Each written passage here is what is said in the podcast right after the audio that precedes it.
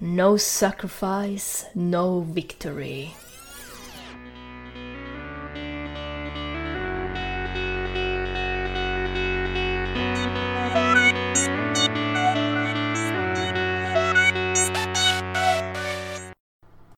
Hej! Hej! Hej! Väl... Hej på dig med! Välkommen till Transformers-podden. Kom in, kom in. Jag heter Linda och med mig har jag... Gustav? Och... Och Max här. Och Max. Max är en liten gäst som eh, Gustav eh, slappade in hit. Välkommen! Ja, tack. Jag välkomnar detta. Ja, det ska bli intressant och trevligt. Mm, vill du introducera dig själv på något sätt? Eh, Ja, alltså jag är ju en av Gustavs kumpaner, alltså barndomskamrat från början. Eh, Jag har haft en, ett stort serietidningsintresse. eh, Ett stort Transformers-intresse, framförallt när jag var lite yngre. Och det finns väl inte så mycket mer att säga egentligen. Alltså det, jag jobbar liksom och eh, håller på med marknadsföring och lite annat. Så att första gången jag är med på en podd. Så att det här ska bli roligt som sagt. Nice! En väldigt viktig fråga också. Är du en Autobot eller en Decepticon? Decepticon tror jag faktiskt. Ja, varför då? Nej, bara för att de eh, har lite coolare robotar helt enkelt. Ja, och jag tror lite det är, alltså det är lite den nivån man får ta Transformers ibland och det är väl lite det vi också kommer att gå in på när vi då går in på den här filmen. Har du någon favorit-transformer Max? Uh, Bludgeon har jag. Ja. Uh, Shockwave. Absolut. Ehm, det, det är en bra fråga liksom. Alltså Starscream, självklart. Uh, Galvatron kanske. När vi håller där. Är det eh, serie Galvatron eller G1 Galvatron? Uh, vilken serie Galvatron? Alltså Marvel Comics. Marvel Comics. Nej, jag skulle egentligen säga Transformers-filmen. Alltså den uh, animerade Den filmen. uppgraderade Megatron då alltså. Exakt. Ja. Eh, han kanske inte sa så mycket där. Men eh, han, såg, han såg frän ut. Tyckte jag i alla fall. Det var ett tag sedan jag sett den faktiskt. Unicron är också en stor favorit. Absolut. Det kan jag förstå. För han är stor. Han är stor och han har en väldigt bra röstskådespelare. Ja. Som gör att han har en jäkla pondus liksom. I då den animerade filmen. Och dessutom var det ju lite så. Eh, det var ju en game changer när man såg Unicorn från början liksom. En planet. Det är ett rätt häftigt koncept som eh, ja, regissören inte lyckades med som vi ska prata om i den här filmen. En fil eller några filmer framöver. Men eh, det, det är fail franchise det är det ju. Så att eh, eh, ja. Ska vi gå in på vilken film? Eller är det rätt Ja. ordning liksom? Ja, ska jag Ja. spoila? Ja it. för fan. Ja, jag vet att det, jag vet att det är många Transformers-fans som är liksom lite uh, uh, när det gäller den här filmen, men jag ger er Transformers 2007 av Michael Bay. Suck it. den var inte ens så dålig. Kom igen. Alltså, Så jag kommer ihåg den som sämre men det är nog för att de andra filmerna efteråt har varit så mycket sämre. Jag tror det med. Mm. alltså det värsta är ju att jag trodde att jag skulle vara den kontroversiella. Men jag gillar ju den jättemycket. Ja. Ettan då. Alltså jag kommer bara ihåg den som dålig. Det var därför jag var så uh, uh. Men eh, jag, jag, Ja, men jag du- gillade det när jag såg om den på något sätt. Eh, inte så, men jag tror du följde lite strömmen där. Vet, det vanliga tugget med ah det är Michael Bay och han är skit liksom. Men eh, Ja det- men det, det är nog det man, det sätter sig i bakhuvudet för jag har inte sett den här sedan typ 2010. ja, man blir så lätt påverkad. Eller hur? Mm. Så man kanske skulle se om de andra också bara för att. Ja, det vet jag. Ja, absolut gör du det. Men jag tror inte att jag blir lika överraskad över dem. Jag måste nog ändå säga att den här första är nog ändå den bästa. Den har liksom mer själ i sig. Mm. Eh, Ska vi gå in på, alla av oss har väl sett filmen innan va? Ja, Ja, jag såg den igår senast. Och jag har väl sett den kanske fem gånger eller något. Ja, jag såg ju den på bio första gången, det kommer jag ihåg. Åh, jag fick inte se den på bio. Jag fick vänta tills den kom ut på TV. Det är lite synd för det var, det var massa kids där som satt och skrek under filmen när, när de såg eh, typ Bumblebee och sånt där. Det var lite jobbigt. Var en av dem du eller? Va? Ja. ja, måste vi gå in på det?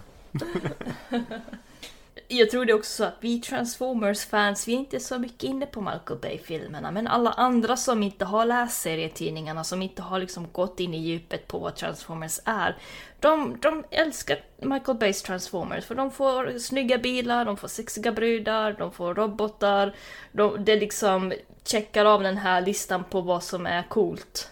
Och det kan jag förstå, om, om det är sådana filmer du gillar då ska du titta på dem.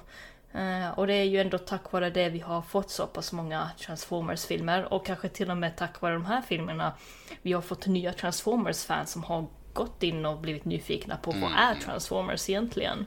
Precis. Det är de här generationerna liksom också.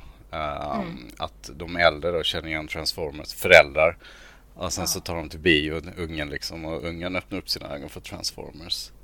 Är där de är, Hasbro, alltså det har funnits ett tag, Transformers ju. Uh, jag vet inte när, när började det egentligen? Hela Transformers? Ja, Eh, Gustav, du som kan siffror bättre än mig. Eh, om vi tar USA eller Japan så USA är väl 84 om jag inte minns fel. 84, Det- ja. det kom. ja precis. Det var att jag föddes.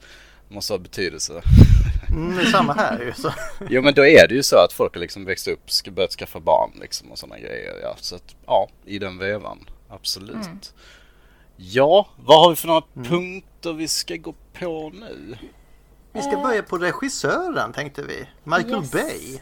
All right. Och ni, eh, vem som helst kan tala eller? Det, Ja, vem som helst. Men vi tänkte att eh, du är ju Michael Bay-kännare höll jag på att säga. Så jag tänkte låta dig inleda. Alltså, det- är jag väl egentligen inte. Och, eh, men jag kan ju säga så här, eh, han är ju en kompetent regissör.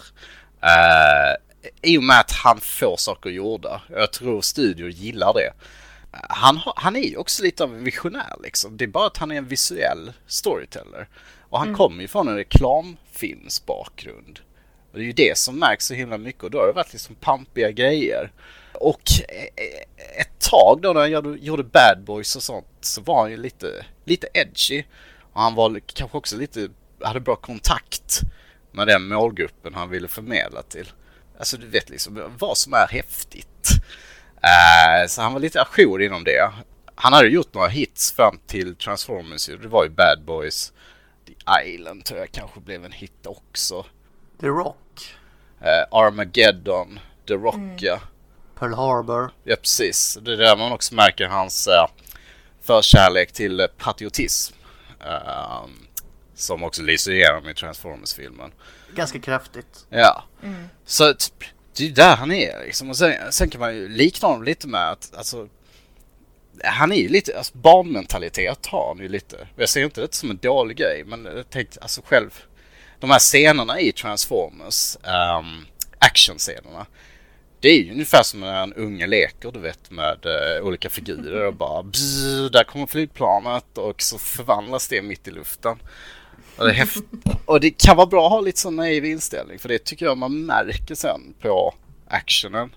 Att han har tagit ut svängarna. Det behöver ju inte bara vara hans förtjänst såklart. Han har ju sitt team. Men han, han, han är nog en väldigt stark ledare. Samtidigt så jag tror han fick igenom sin vision.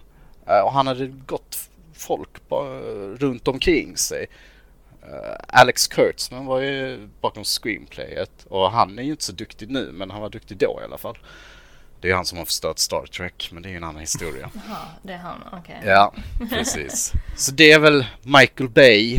Ja, vad har ni att säga om vår Alltså, Lord? det är ju en väldigt viljestark person kan jag säga. Han vet ju hur han vill ha det. Mm. Så han eh, ju vansinnig här i första inspelsdagen ungefär på Transformers. För typ folk satt och käkade och sånt. Men det, så, nej, det gör man innan man kommer. Så han typ skällde ut varenda en och det höll på att bli katastrof redan första dagen. Lite Tom Cruise-varning där. Alla covid. Och han gillar ju eh, explosioner kan jag ju säga också. Ja, han har ju blivit ett meme liksom. Med sina explosioner och folk har ju liksom lite också lyft honom som en person som typ Nicolas Cage. Alltså, eh, de har försökt hitta mening i det han gör. och det kan ju vara dödsdömt liksom. Så det kan, kanske lite väl krystat. Ja, Fast det är också det, varför ska det behöva vara någon mening i det? Han tycker om explosioner och han älskar det visuella. eh, Precis. Vilket jag Ja. kan ändå acceptera. Sen vet jag inte om det är... eh, Jag vet inte, jag kommer inte ihåg var jag har hört det här någonstans. Men jag har typ hört att när han var liten så lekte han med sån här tågräls. Och så la han typ såna här små, eh, vad heter de här, små bomberna som man kunde typ köpa när man var Smällare. liten. Smällare ja. ja. Och typ lekte med dem och, och sånt där och la tåget igenom så att det typ plopp, ex- exploderade inom quotes då med de här små äh, smällarna då. Jag vet inte om det är sant men han satte säkert... Det är fantastiskt. Ja, Ja, alltså av, av det alltså. Ja. För då liknar det ju lite med den liknelse jag gav där han lekte med sina actionfigurer. Mm. Eh, jag har inte hört den förut faktiskt. Ja, mm, jag vet inte om det är sant dock men alltså det skulle inte förvåna mig om han har satt sitt eget barnrum i, äh, i lågor ett par gånger åtminstone under sin barndom. Eh, han är ju lite små galen som regissör också. Det fick vi ju se han som spelar Agent Simmons, eh, John Turturro tror jag uttalas. Eh, han gjorde ju en method acting så att när han gick in i karaktären så hade han studerat eh, Michael Bay så det var honom han försökte personifiera i sin roll. Vilket är lite småroligt. och Michael Bay, eh, nej, Michael Bay har tillåtit det liksom. För att han är ju med i fler Ja. filmer. Eh, John Turturro. I, i fler Transformers-filmer ju. Yes. Ja, han kanske gillade det liksom. Ja men jag tror Michael Bay har ett rätt stort ego så jag tror han gillade det på något sätt. Ja. ja. Svårt att se. Men Jag undrar vem som inte har det i Hollywood när man blir så Eh, Det här är i och för sig sant, vissa har större än andra. Ja, Han har ju karisman liksom. Han har Ja. ju den där... Folk Mm. lyssnar ju på honom. Um, ska vi gå vidare lite eller var det någonting mer? Nej, Nej. vi kan väl gå vidare. Annars så får Eh. ni stoppa mig. Nej, vi kör på Linda, kör på. Kör på det. Ja, eftersom jag också är med i Filmtifikat så måste jag ju dra upp eh, den kvinnliga eh, skådespelaren. Obviously. Eh, och då har vi ju Megan Fox som spelar bruden. Mikaela. Vad hette hon ens? Mikaela ja. Mm. Eh, så jag glömmer till och med av namnet för att det spelar ingen roll. Eh. Alltså, hjälper dig så kan vi kalla henne för Megan Fox också. Jag, så- jag kallar henne för Megan Fox, jag glömmer av hennes namn hela tiden ändå. Megan Fox spelade... Jag, jag tycker inte hon spelade så bra i den här filmen. Megan Fox spelar sällan bra i filmer höll jag på att säga. Ja, Alltså- men okej, jag fattar hon ska vara där för att hon ska se sexig ut. Fine, liksom. Jag förstår det, men liksom... Ja, Jag håller ju inte med om det. Det måste jag Alltså? säga direkt. Jag tycker faktiskt igår så när, när jag kollade igenom den. För jag var också så, ja men hon är it girl. Och hon blev ju väldigt populär liksom. För, Ja, oh ja. för hennes looks. Det var lite som du vet Pamela Anderson på 90-talet. Hon är 2000-talet. Eh, men jag tyckte fasen hon spelade bra. Alltså lite med det här kemin mellan Shia och Megan Fox tyckte jag ändå fungerade mot slutet. Den här tonårsromansen liksom. Ja, sure, alltså tonårsromans är ju ändå alltid lite awkward. Så sure, det funkar. Alltså vi bör, ja precis. Ja. Sen kanske det inte, vi kan väl säga att det kanske inte är Megan Fox fel egentligen. Det kanske är hennes rollkaraktär som är lite tom också. Ja, ja precis. Eh, jag, jag blev dock lite förvånad över att eh, hon, eh, hon tog ju kommandot i filmen mot slutet. Uh, med Bumblebee. Så hon släpper ju upp honom på den här vagnen och använder sina just det. skills. Och så kör de runt och sköt. Så jag tyckte ändå det var, ja. Ja, men hon kom fram ändå lite där. Mm. Eh, Så det var inte bara liksom det här uh, skyltdockan. Nej. Lite förvånad faktiskt. Alltså för att vara en Michael Bay-film. Ja. Ja. Mm. Men jag tror också det var, eh, innan jag går vidare på vilka filmer hon har spelat i, just den där scenen att hon plockar upp Bumblebee och tar lite kommando. Eh, jag önskar att det var hon som kom på det där, att hon, hennes karaktär skulle göra det, för jag kan, jag har lite svårt att se att Michael Bay skulle vara okej med det. Um, nu har inte jag varit där medan de gjorde den här filmen, men jag har alltid känt att Michael Bay vill ha de här tjejerna som är lite skyltdockor. Eh, jag ber om ursäkt om det inte stämmer, men det, det känns lite så. Um, men det är okej, okay. alltså. Jag vet inte riktigt vad min åsikt är om just de här tjejerna som är skyltdockor i filmer. Alltså, det är ju lite mossigt kan väl jag tycka. Ja, men samtidigt så Eh, jag gick in med inställningen att det skulle vara lite mossigt och sen så blev jag mm. snarare förvånad över att hon spelade bra, att det fanns den här romansen liksom funkade och att hon tog initiativ. Så att, men mm. det är förmodligen ganska låg ribba liksom. Mm. Uh, men ja, fanns några mm. ljuspunkter. Um, hon mm. spelar ju mycket bättre nu än vad hon gjorde på första Transformers-filmen. Jag har faktiskt inte sett något annat tror jag. Jag såg henne i eh, Teenage Mutant Ninja Turtles också. Hon spelar April O'Neil.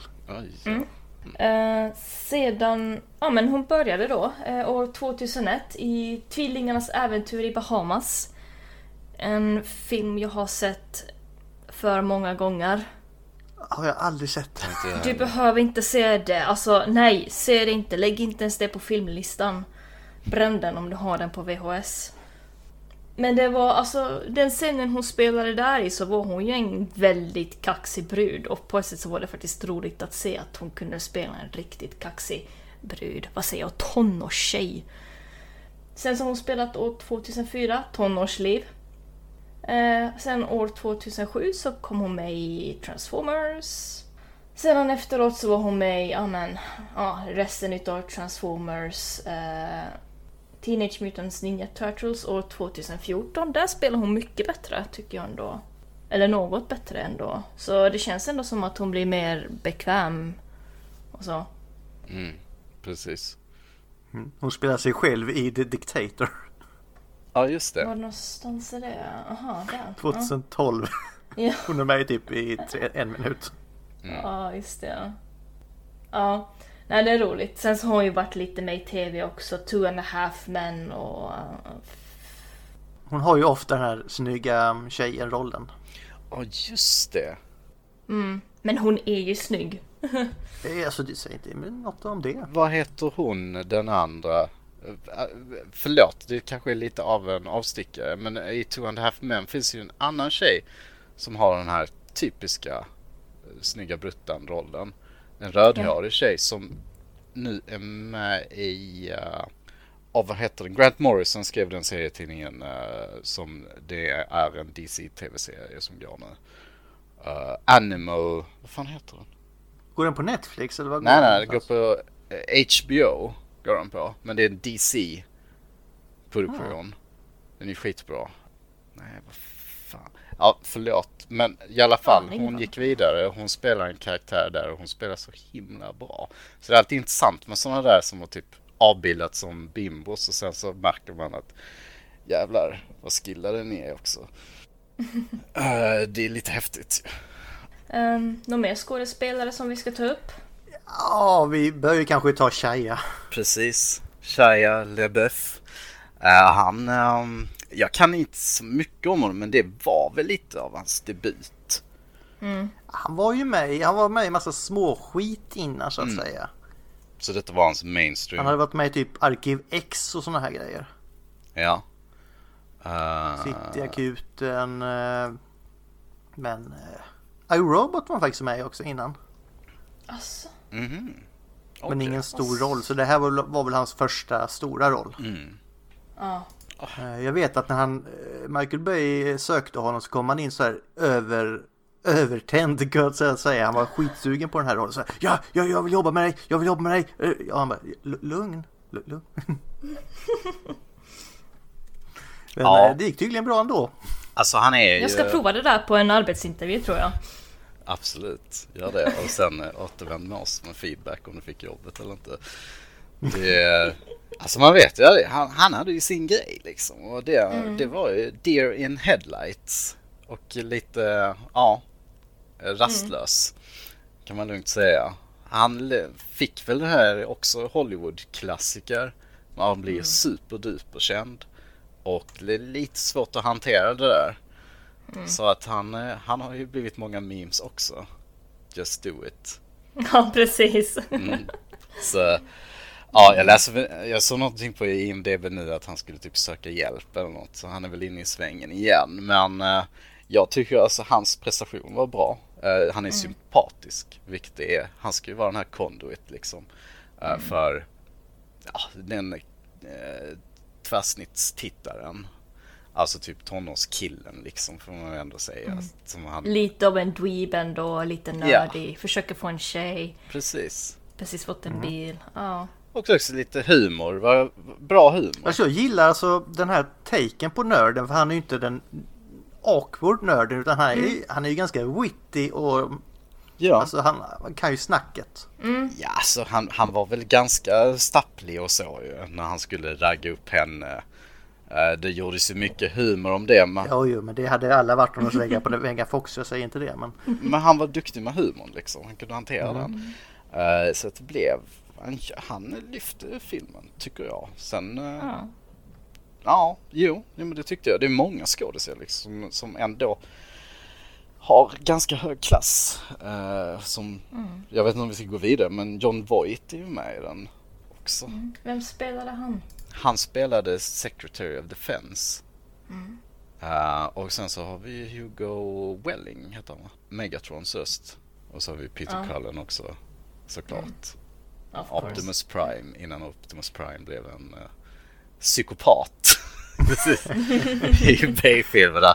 Här har vi den uh, mer klassiska Optimus Prime, vilket jag gillar. Mm. Ja, men här går vi tillbaka till Marvel Comics lite faktiskt. Ja, mm. precis. Känns bra. Um, mm. Har vi någon? Han, han, han sa här, ja men vi måste lämna Bumblebee där. Och what? nu fattar jag inte. Vad, vad menar du? Nej, men han, eh, det är ju han som förespråkar att de ska skita i Bumblebee och bara sticka och göra uppdraget. Ja, mm. så är det. Ja, just det. Ja, ja men det, som ledare måste man ta de tuffa besluten. Och det, det såg man ju inte komma när man har sett G1 eh, Animen. Eh, jag kollar på din karaktär här innan som du nämnde. April Bowlby heter hon. Just det. Ja. Hon är med, jag ser inte vilken riktigt du menar, men hon är med i Doom Patrol. Doom Patrol är det.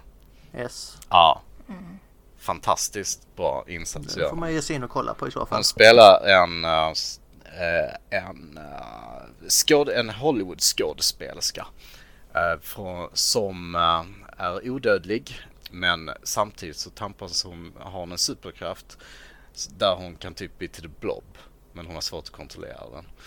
Okay. Så, ja. Rita Far, Elastigirl. Mm, precis. Den kan jag ju rekommendera ni kollar på. Mm. Skitbra. Mm. Hon är även med i Titans när hon är just den här karaktären. Ja, ja, ja, ja. Ja, just det. Jag har inte koll på Titans så mycket. Yes, men nu går vi tillbaka yes. till Shia LeBeouf. Mm. Ja, okej. Okay. Ja, vad, nej, vad finns det mer att säga om honom egentligen? Han, eh, ja, han var ju på väg att breaka här som vi sa, men han fick vara med i typ en film som jag helst inte tar upp, men nu är vi så illa tvungna. Indiana Jones och Chris, Kristalldödskallens rike. Ja, precis. Det är väl där man... Eh, och efter det så vände det, då fick han typ vara med i Transformers och annat skit. Mm. Mm. Och annat skit. Mm.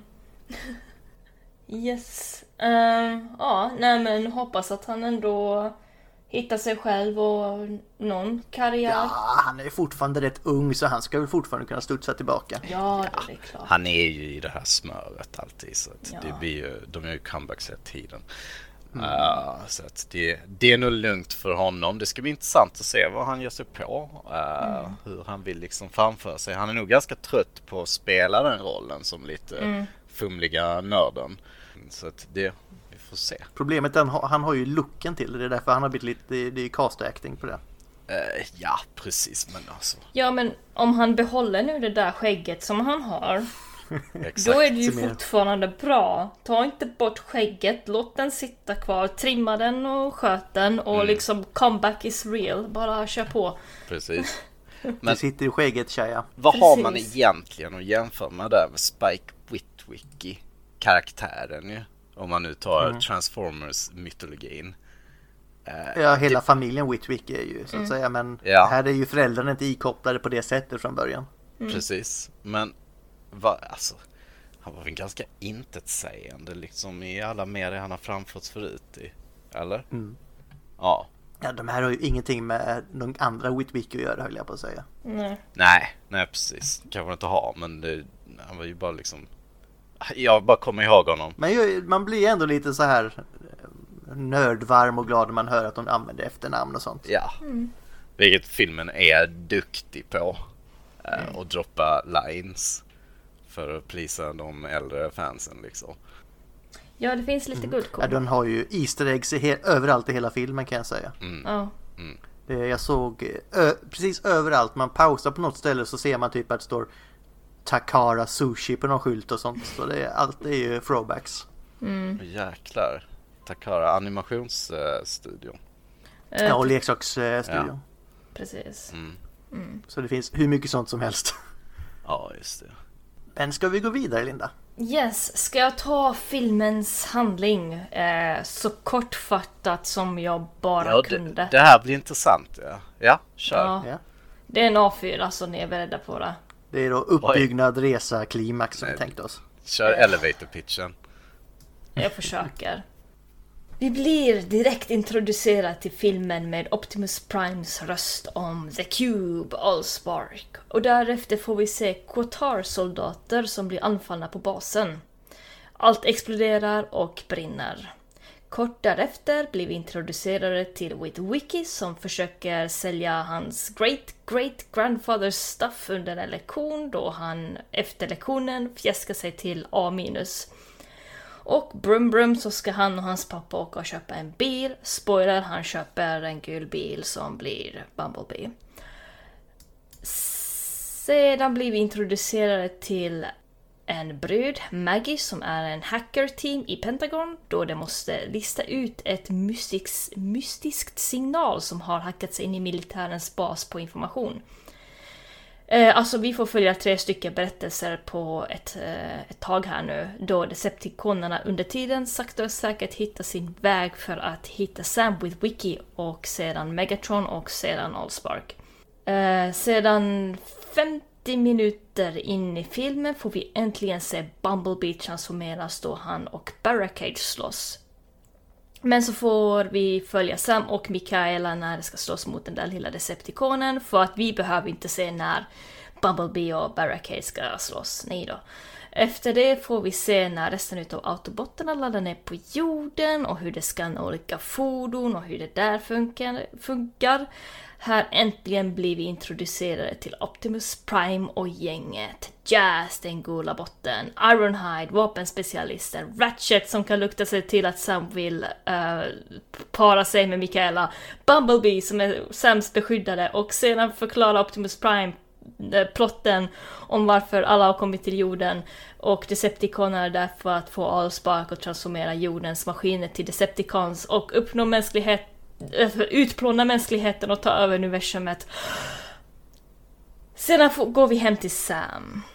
Då han måste hitta glasögonen. Mojo pissar på Ironhides fot och sedan efteråt, lite stuff händer däremellan, får vi se när Bumblebee pissar på en Sector 7 agent.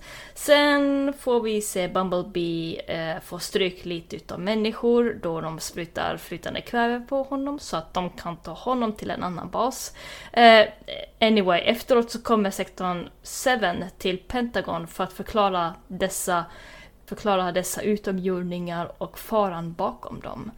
Människorna och Sector 7 har vetat om dessa utomjordingar sedan många år tillbaka. Efter ett tag kommer våra karaktärer till den här hemliga basen vid en damm. Här möts alla våra karaktärer in i en och samma plats. Äntligen. Här får vi äntligen se Megatron, eller NBE-1 som Sector 7 har nam namngett honom.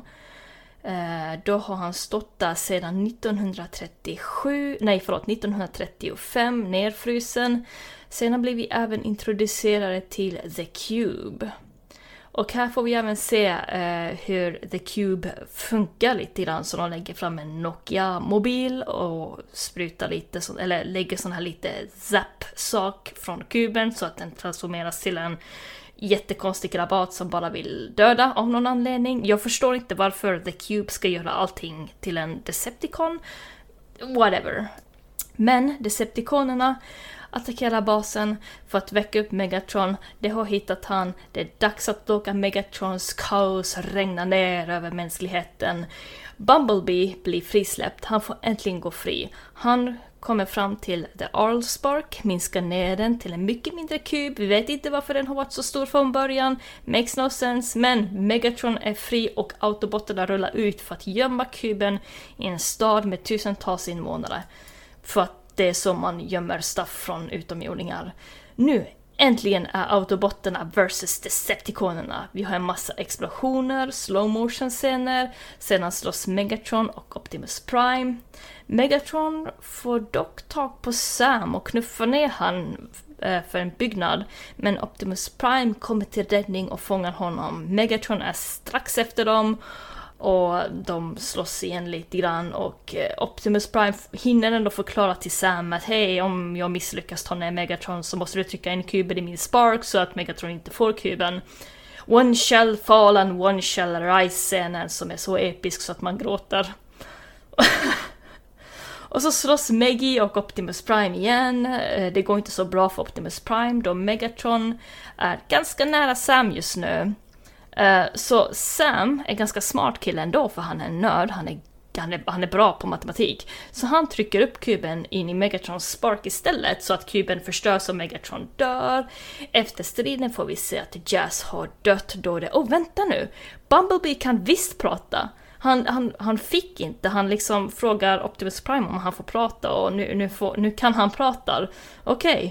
så Bumblebee vill stanna med Sam, vilket är okej. Okay. De begraver ändå Decepticonerna och Megatron ute i havet. Mariana Trench tror jag det till och med är. Lennox, Captain Lennox, får äntligen se sin nyfödda dotter. Sam får sin flickvän, Autobotterna får sitt nya hem för tillfället och så är allting slutet gott och ja, inte riktigt för vi ser ändå att eh, Starscream är fortfarande vid liv. Och Decepticonerna är fortfarande där så det kommer bli en ny film efter den här, yay! Mm. Yay, och vilken fantastisk film som följde. Uh, den, uh, Revenge of the Fallen, lite snabbt varför den är så dålig. Det var ju för att den här, alltså, Right to Strike var igång. Så av förklarade skäl så var det en jäkla skitfilm. Ja, det var en, det var en lång, detaljerad återgivning av filmen. Hur sticker vi in på detta då? Det var en lång och detaljerad film också. Ja, det var det. En väldigt lång film. Ja, faktiskt. Alltså det, är, det är väldigt mycket små grejer som händer som påverkar filmen. Det är, oh, ja. mm. Mm, det är det.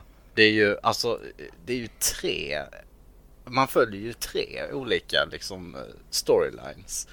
Ja, Kat stora storylines ja. Precis. Mm. Hackarna, eh, armén, armédudesen mm.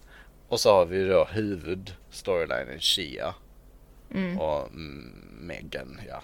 Precis. Ja, och ändå Transformersarna, de har vi också där, men de är ju inte sådär jättemycket i, i själva den fokuset utav storyn. Precis. Men eh, alla storiesna går ju i samman med varför eh, Transformers är på jorden och det är ju för att få tag på The Allspark. Mm. Det är det här, Precis. ett uråldrigt krig som nu spiller över på jorden. Mm. Och eh, klassiskt boy meets girl samtidigt. Mitt i mm. allt liksom. Där han själv förverkligar sig till uh, hjälte ju. Shia mm. LaBeouf. Uh, och um, också det här med sympatin liksom. Alltså det här med xenofobiskt liksom. Att uh, de börjar känna mycket för varandra ju. Uh, mm. Bumblebee och Shia. Det finns mycket känslor mot slutet ju. Och han försvarar ju Bumblebee och Bambi försvarar honom liksom. No sacrifice, no victory. Ja, just det. With wiki motto. Ja. Gustav. Mm. Nej, nu snodde jag hennes quote igen. Jag vet inte vilken det är för varje gång.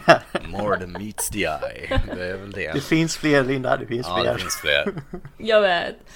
Men jag tänkte så här för att snabbt gå in på filmens budskap, för det är typ lite dit vi har dragit oss lite nu, att mm. budskapet ändå är, alltså det är det, no sacrifice, no victory, uh, och det, det säger de ju flera gånger i den här filmen också. Mm. Eh, förlåt, fortsätt Max. Eh, jag avbröt dig tror jag. Nej, jag vet inte. Jo, men jag kan bara tillägga liksom att eh, jag vet inte om man ska ta upp den aspekten att alltså de har ju haft sitt urgamla krig, men på något sätt har de ju autobotarna har ju kommit fram till att allting blir skit och vi vill inte att det ska hända er planet. Och det är ju lite så här liksom, varför de ifrågasätter Optimus Prime ju. Varför ska vi ens hjälpa de här människorna liksom? Han tar ju upp mycket mm. det. Ja, då tar han på något sätt den auktoritära positionen och drar till med ju att det, är en ung ras och sen vill vi inte heller att återupprepa vår historia. Inte mm. det vi är ute efter. Så då är ju lite det här klassiska att vi har dragit hit skiten hit. Då får vi också mm. stå för ja. våra handlingar. Liksom. Ja, precis. Mm. mm. Så det är lite så intressant grej. De är ju liksom hemlösa. Mm. De har ju, har ju inte sin planet längre, Cybertron. Så mm. att de är liksom flyktingar. Nej, den är ju en död planet i det här laget. Ja. Mm. De har ju sugit ut all energi de kunde. Så man kan säga lite så här att de hittar ju på något sätt sitt syfte igen, autobotterna. Alltså i, mm. med, i och med att de blir protectors of Earth liksom. Mm. Jag vet inte om ni ja. håller med? Protectorbots, jo. Ja. Men det är ju det de blir. Att mm. Eh, de, de bosätter sig nu på planeter och de uh, skickar ut en signal till Autobots att hej, ni kan komma hit, det finns ett hem här. Mm. Precis. Eh, sen finns det det här lilla underbudskapet också. America is great. Ja, det finns. America! Ja, det finns ju en replik. Jag vet inte om ni märkte den. Är det Iranians aren't that clever eller vad det var? Nej, inte den, men den är ju också lite talande. Alltså den här, eh, jag tror det är John Voight som säger att han säger någonting i stil med om de här armékillarna. Att om vi fightas så är vi här för att vinna. Något mm. sånt är det. Som han drar till med. Och det kommer lite out of place liksom. Det känns bara som en propaganda liksom. Men mm. um, ja, det, det, det är ju lite tendenserna från Michael Bay som bara blev värre. Han var ju också bakom den här Benghazi-filmen nu. Eh, mm. Som är extrem patriotisk och uh, politisk också ju. Ja, uh, jag såg ju Michael Bay eh, när han sitter och diskuterar under, vad heter den, commentary tracket på mm. Transformers. Wow. Och yeah. första halvtimmen sitter han bara och pratar militären och hur bra det är att arbeta med dem och han fick mm. använda deras vehicles och grejer. Så, alltså, oh. Han får ju lätt ståfräs, det märker man ju yeah. i hela hans film. Alla de här militära, militära fordonen. Eh, mm. Black Hawk, helikoptrarna. Eh, däremot så är det ju ganska bra scener när militären sköter snacket liksom under attackerna. För det är mm. liksom det att det är något av dem själva får improvisera. Typ han säger det här är det som händer på jorden, liksom, hur hade ni agerat? Och så mm. typ kör de en acting på det, så det blir ju rätt bra. Ja, faktiskt. Mm. Jag håller med. Alltså han gör ju... Han fångar mycket av hur fan skulle det vara om det helt plötsligt var stora robotar här liksom. Mm. Alltså man köper lite grejer där för att det, det är liksom hur militären kanske agera mitt i allt. Han gör jättemånga smarta grejer med att han inte visar robotarna liksom. Uh, mm. I början ju. Uh, mm. När det är, vem, vilken uh, Decepticon är det som attackerar i början? Alltså han som är helikoptern. För det är den som visas först va? Ja. Uh, och då, de, han visar ju liksom inte allt. Uh, det blir det här hägrande monstret liksom. Ja, så det, det, och sen så känner man, det är också en sån grej som Pacific Rim har blivit väldigt hyllad av. Har ni sett mm. filmen? Uh, ja, ja det, jag tycker egentligen det är fel för det börjar egentligen med Transformers och det är ju just att man märker tyngden av allting. Mm. Tyngden av robotarna. Uh, att de är så jäkla stora liksom. Mm. Det, det, tycker, det, det gör att man köper liksom att det här kan vara stora jävla robotar som faktiskt finns liksom. Ja. Precis. Jag kommer ju äh, säga lite mer om de här robotarna under äh, min visual. Absolut. Um, men vad heter det, ska vi säga.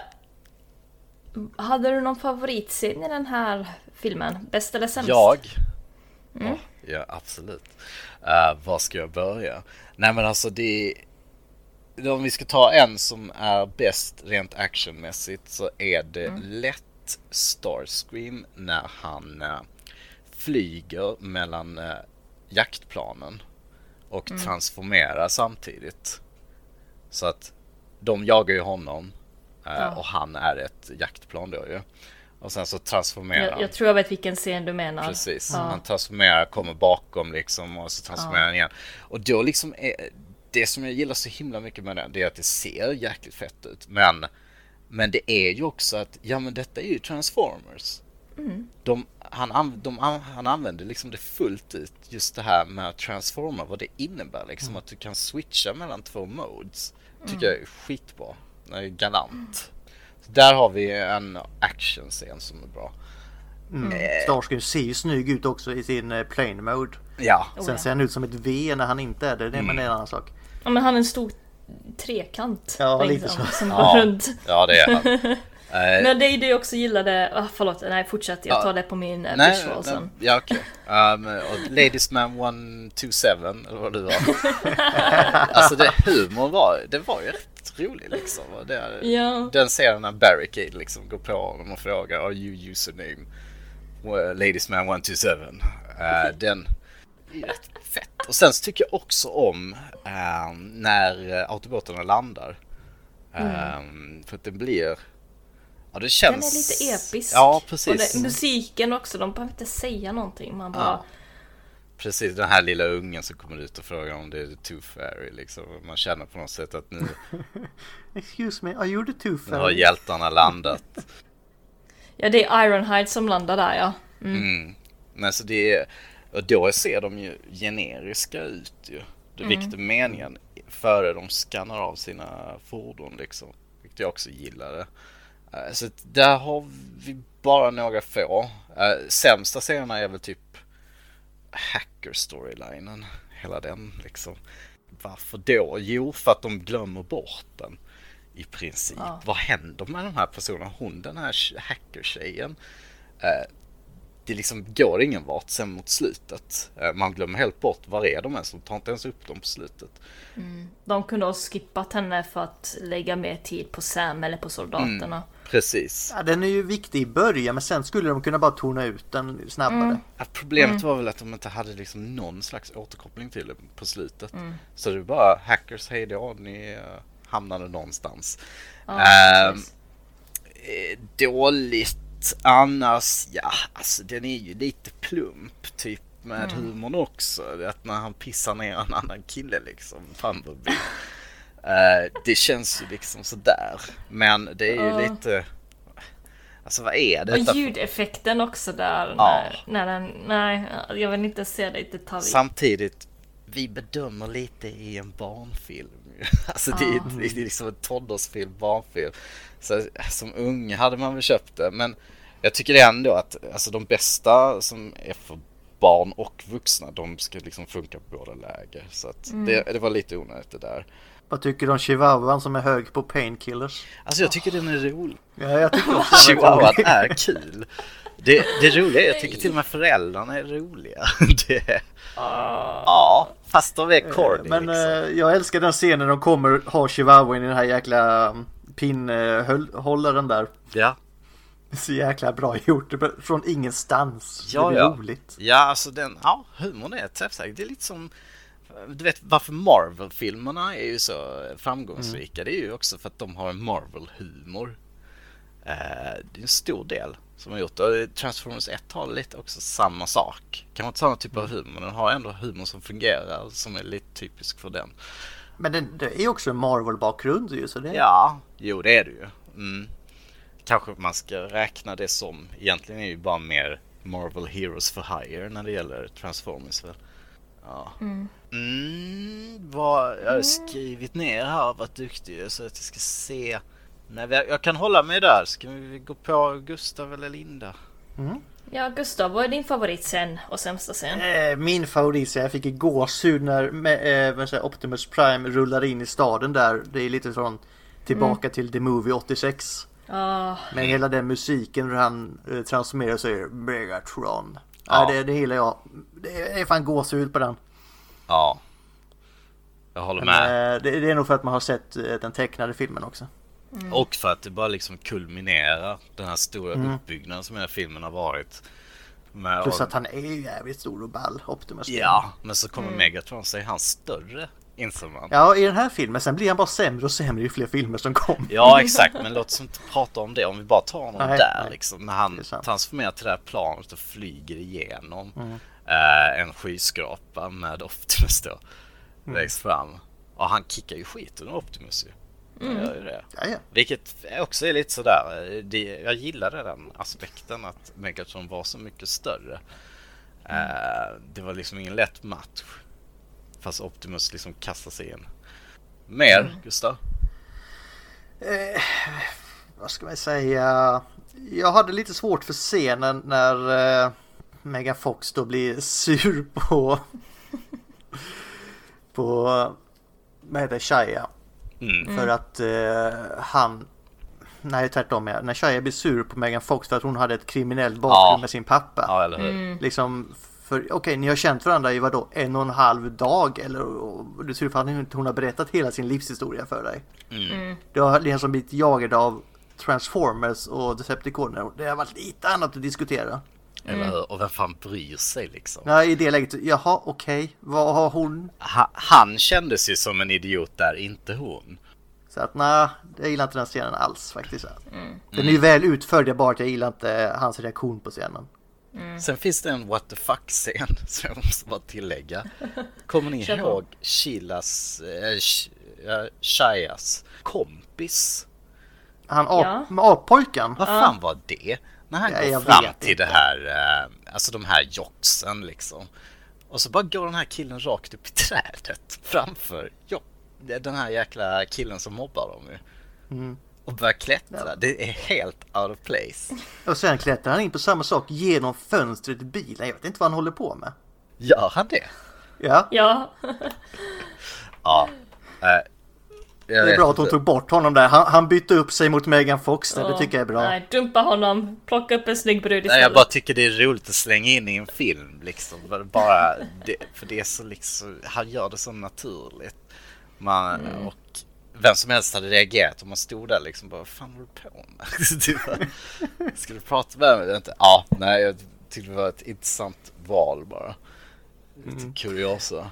Eh, sen, jag gillar ju Sams föräldrar också. De är, det är fan en riktigt bra comic relief de två. Du gör det? Ja, jag håller med. Nej. Jo, Jag, jag håller gillar dem. med. Ja, där har vi en hater. Låt oss höra. De är så jobbiga, varför är ni där? Vadå jobbiga? Påminner de för mycket om andra eller vadå? Ja, föräldrar är jobbiga. Ja, ja, ja, jag tycker de är jävligt roliga. Ja det är de ju, men de är samtidigt... Ja, För eh, jag ska inte han, eh, försvara dem. Kevin Dunn som spelar eh, pappan. Mm. Eh, många av de här grejerna är ju från hans verkliga vardag de har tagit gjort parodi på. För han har ju också sån grej typ att hans barn får inte gå på hans gräsmatta och det är typ så här att eh, knackan skulle de öppna direkt och sånt. Så de gjorde en grej av det. Åh nej. Okej, det är faktiskt, det är faktiskt roligt. Okej. Jag håller med. Ja, alltså att de frammanar den känslan. Att de är, alltså du vet, man får lite cringe. Det påminner om, du vet, andra föräldrar liksom. Så då har de nästan lyckats också. Mm. Men den här eh, när transformerna är utanför deras hus och de säger att det är jordbävning han springer och rusar och ska slänga sig i badkaret och allt vad fan det är. Och morsan sitter där och är lite småfull på vin och så Kunde du röra dig så fort? Ja. Eller när de kommer in på hans rum och hon säger Åh, om han har onanerat. Han skulle eh, fistpampa honom allt vad det var. Ja, Oh, did you have your happy time? precis. Det var, det var rätt. V- vad är det för en förälder som tar upp det där öppet sådär liksom? Vad gjorde du någonting? Hade du din happy time? Typisk förälder som gör det liksom awkward. Ja. Ja du. Ska jag ta min favorit? Ja, kör på. kör. Ja. Eh, jag tänkte också ta den här Starscream-scenen för att jag tycker det är liksom väldigt pleasing hur de har gjort animationen och ljudeffekterna där. Men jag väljer en annan då och det är scenen när Optimus Prime transformeras för första gången och hur långsamt han transformeras första gången han transformeras till en, en stående figur då. Ljudet är awesome, transformationen är smooth och riktigt jävla nice. Instämmer. Och vem kan vi tacka det för Linda? ILM. Animatören. Yes, som heter Keiji. Ah, du hade namnet på honom, vad bra. Men var det inte ILM? Som var... Jo men det är Keiji som har eh, Ja. illustrerat hur de bitarna ska gå ihop. Så det är därför eh, så har de gjort Mm. det utifrån hans teckningar. Precis. Bra jobbat. Mm. Det, ja, jag måste säga det. Väldigt bra jobbat. Och att de tänker Mm. liksom på... Det är Transformers. De transformerar Mm. till andra. Hur går det till liksom? Och så visar de Mm. det. För det ser verkligen ut som allting passar. Exakt. Ja, det, är, det är väldigt bra CGI i den här Mm. filmen. Och det är genomtänkt och det, det håller. Håller än idag. Mm. Jag, jag, jag ty, tror inte jag ser en enda effekt jag tycker ser konstigt ut nu. Mm. Och filmen är inte så Nej himla... faktiskt, jag tycker fortfarande det är kanske den här Frenzy-roboten då och då. Eh, det är han som ska vara rolig. Det är den Ja, lilla hackerroboten Decepticonerna hade. Aha, ja just Han som det. står och bassar. Megatron, Megatron. han. Äh, Jag vet inte varför. Han, liksom, han är på en stealth mission och så börjar han hacka dator och så, får, så blir han helt till sig när han ser Megatron. Så han tror att säga det hela tiden rakt ut. ja, sen när han misslyckas så skallar han datorn och allt vad det ja. En kul grej med honom det är dock att eh, han röstskådespelaren, Mm. det är ju en människa som har gjort lite robotljud på, men han typ säger Tutankhamon hela tiden det, om man lyssnar noga. Jaha. En grej jag inte fattar heller, så, och det var precis det du sa Linda, det är det här med när kuben transformerar saker så blir de till Decepticons. Ja, Eh, jag har kollat upp det. Jaha. Det är för att tydligen så är det så att Megatron kom ju och var i det här källarvalvet så mycket av människornas teknologi har byggts utifrån Megatron, att de har snort teknologi från honom. Så de är Jaha. infusade med hans tankar och, och Decepticon-idéer redan från, eh, från scratch. Men liksom, Ja, okej. det, det är det försvar de har gett från Michael Bay och dem. M- Men det är ju lite sån filosofisk fråga då så att om man är Decepticon så är det liksom vilka komponenter man har i sig och inte tankesätt. Nej men de har gjort det utifrån hans energi och hans hjärnvågor har väl drabbats samman Men något sätt. energi, har de gjort en mobiltelefon av energi liksom? Nej men inte, inte det, men hans energi har väl infusats i den här mekaniken de har tagit eller något. Okej. Ja, Okej. okej. Mm. men jag ska ta min eh, sämsta scen innan vi går vidare. Ja. Ja, kör på. Reel it in, eh, som eh, Gustav brukar säga. Den sämsta scenen, och det här är kanske lite för att jag har ändå sex års militär erfarenhet. Eh, Det här är i början när de här soldaterna har precis överlevt en basattack. De är nog förmodligen de enda som har överlevt. Så de är långt ut, de är någonstans ute på öknen, det är väldigt öppet. De står på en, på en tank som är övergiven eller någonting, de står på någonting. Står helt öppet och bara kollar omkring. Om jag skulle varit där, jag skulle krypit längs med sanden. Men vad, ja, jo precis. Jag, jag skulle, nej, då, göm er. Ni vet Men, inte men vad... det beror väl på vilket avstånd det är liksom.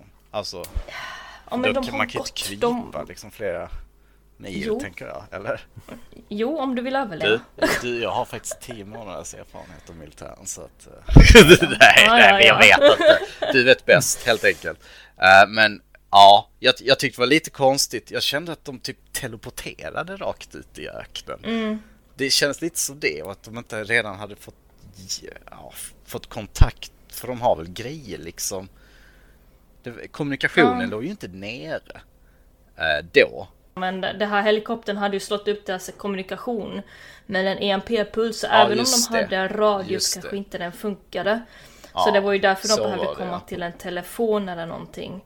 Ja, precis. Ehm, ja, Men sen med. det är också Bra. som sagt att de, de gick så öppet ändå efter en basattack utan att liksom bry sig. Sen så har de fortfarande en där, Epps tror jag han heter, som förklarar att det här är inte över. Så de har fortfarande en snubbe där som har liksom ändå den här magkänslan. Och det är ju de man ska liksom, Ja, liksom lita på att hej, om någon har en magkänsla att någonting inte stämmer, då kanske vi borde liksom Men, men fastställde han inte det via att hans mamma typ spår? Ja, men han, han har fått det från sin mamma att man känner av när saker och ting Ja. inte är över eller när det inte stämmer Ja, överens. Precis. Ehm, Det kanske, kanske inte är liksom taktiskt uh, gångbart men det är lite psykologi inom det också, vad jag har hört inom militären. Ja. Jag ska inte gå för djupt inom det.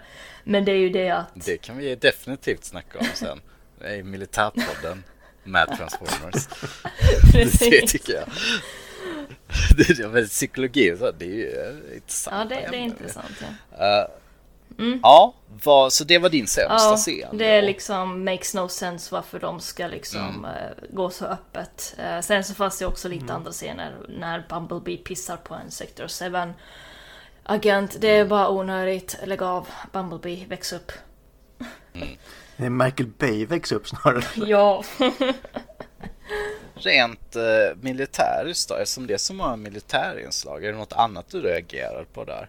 Hur fan ska de kunna få militärflygplan med en random stuff från någon dummy... eh, t- du vet, ah, vad ska jag förklara? När de ska typ eh, försöka få in eh, flygbasen över staden. Mm. För det första, man flyger inte så över en stad. Man tar inte en kub in i en stad för att gömma den där. Ja, just det. Eh, Precis. lägg ja. av, man gör inte det. Och stridsflygplan ska inte ens skjuta nära en stad. Där. Så det är också sen också hur de fick de här flygplanen dit med en, eh, eh, vad heter det, den här blippkalen med eh, den här signalerna. Eh, visst, de används ju kanske fortfarande i USA. Jag är inte sådär jätte, jättebekant på vad man använder för teknologi i dagens läge. Eller i den dagens läge under den här Mm, filmen precis. hur gammal den, när den ska utspela sig. Men liksom det finns inte en chans att eh, de skulle kunna kalla till sig en militär på det sättet därifrån de var.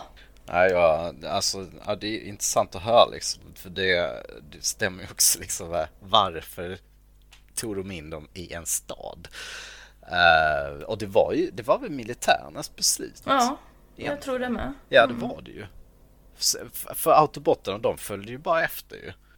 När även om autobottarna Kanske- skulle tagit det till en stad, då skulle väl militärerna säga att hej, ni följer oss, jag tagit befälet. Precis. Liksom. Ja. Optimus bara liksom, det här kanske inte är värt att Nej, rädda. precis. Göm inte utomjordingar i eh, en stor stad, det är därför vi har eh, öken för det. Men det skulle väl inte vara varit li- lika coolt om det skulle utspela sig på ett öken då.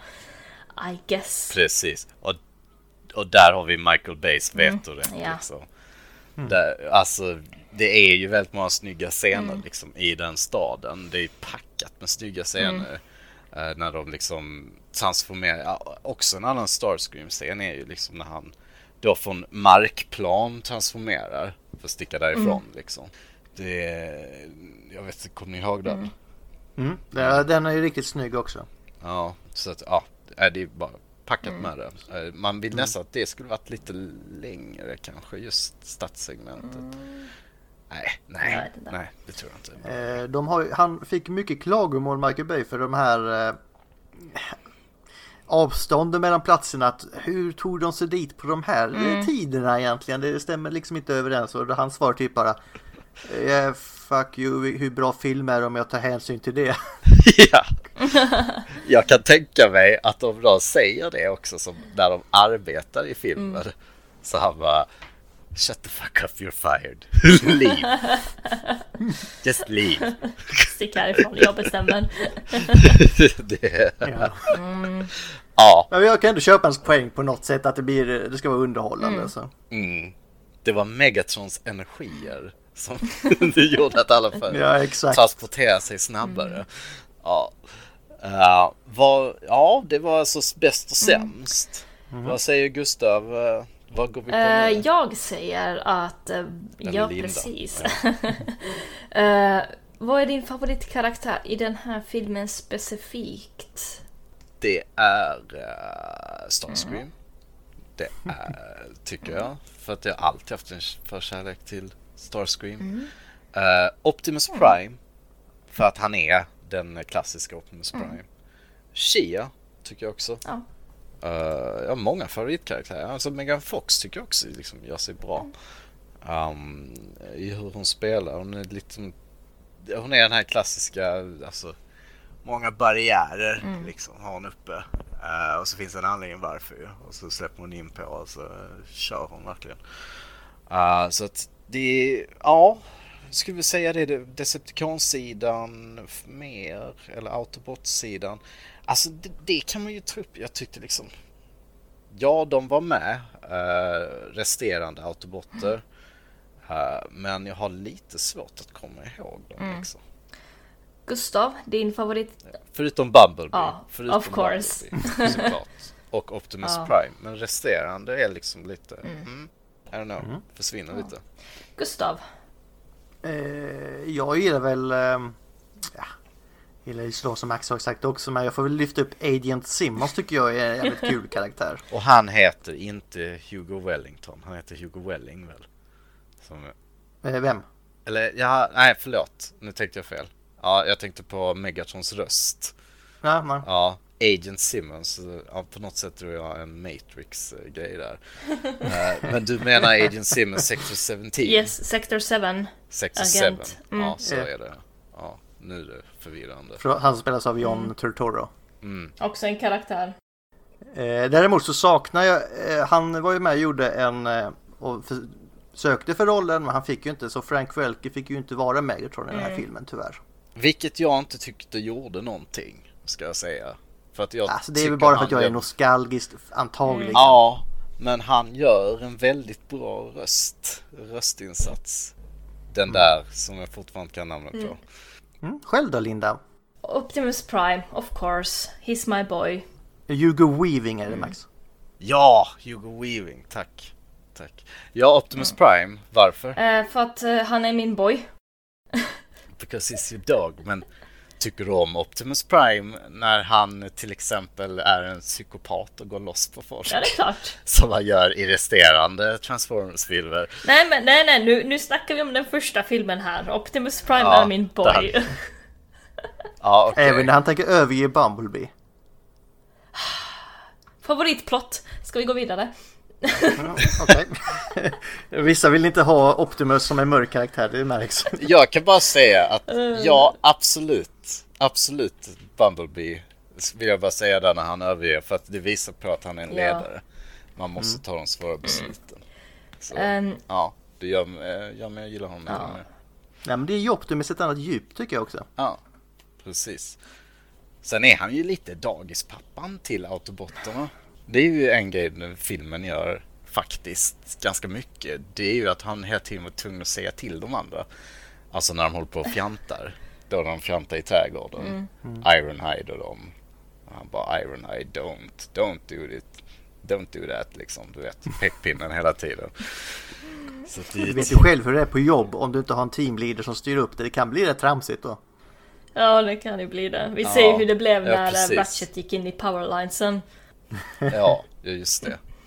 Uh, anyway, jag ska rilla in här lite grann. Eh, det här med favoritplotten handlar om, tyckte ni om eh, Sam och hans flickvän? Eller tyckte ni om hackerteamet? Eller tyckte ni om militärerna?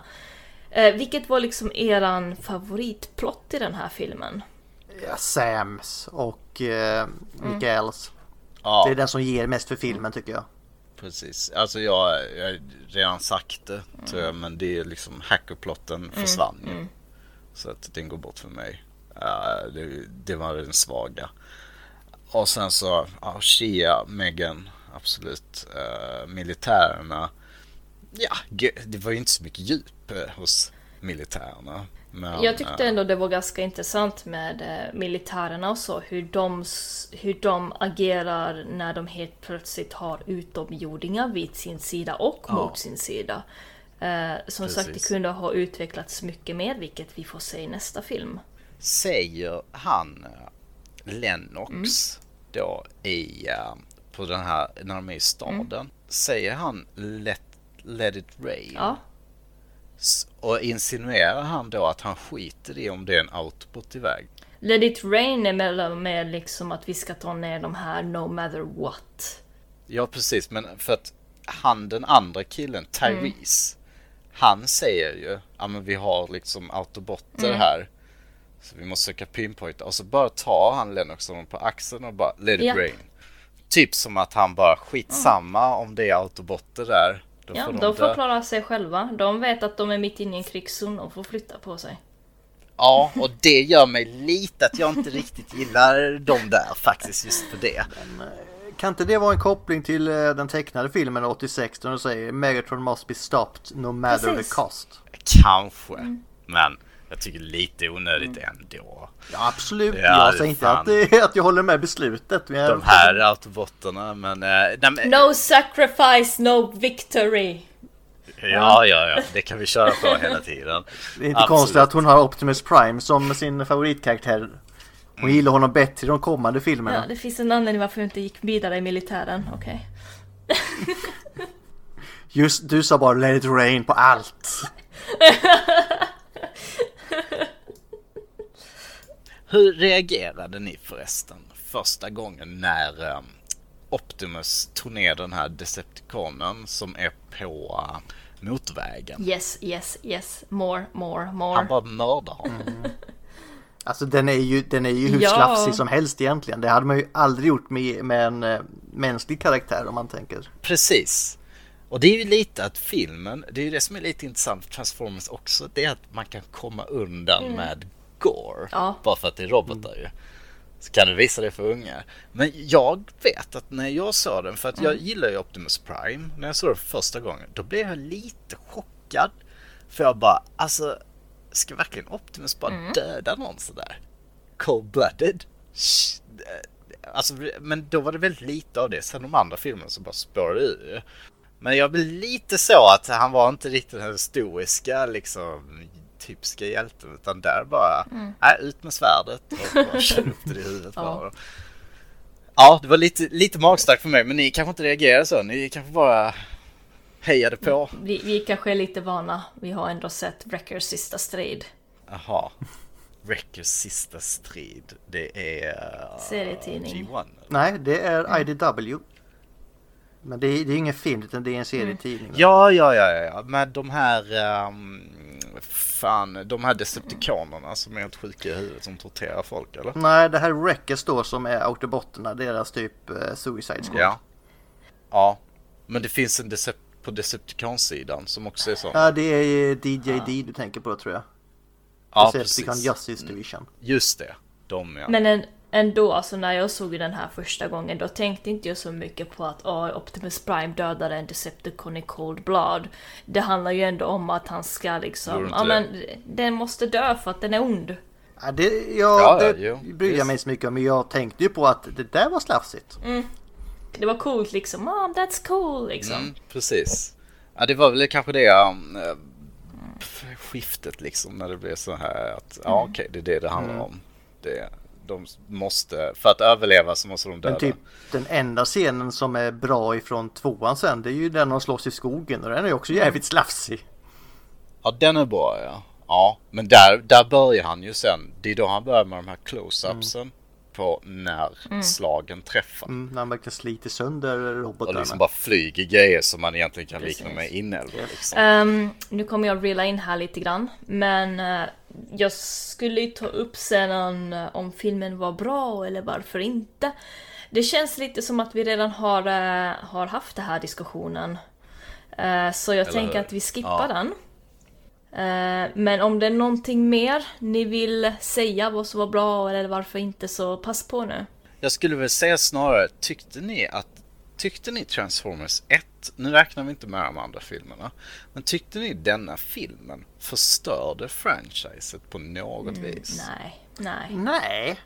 Alltså jag tycker det här är ju, det är ju om man, hur man tänker. Om, så här, om man jämför den med de gamla så, så har de gjort förändringar och så.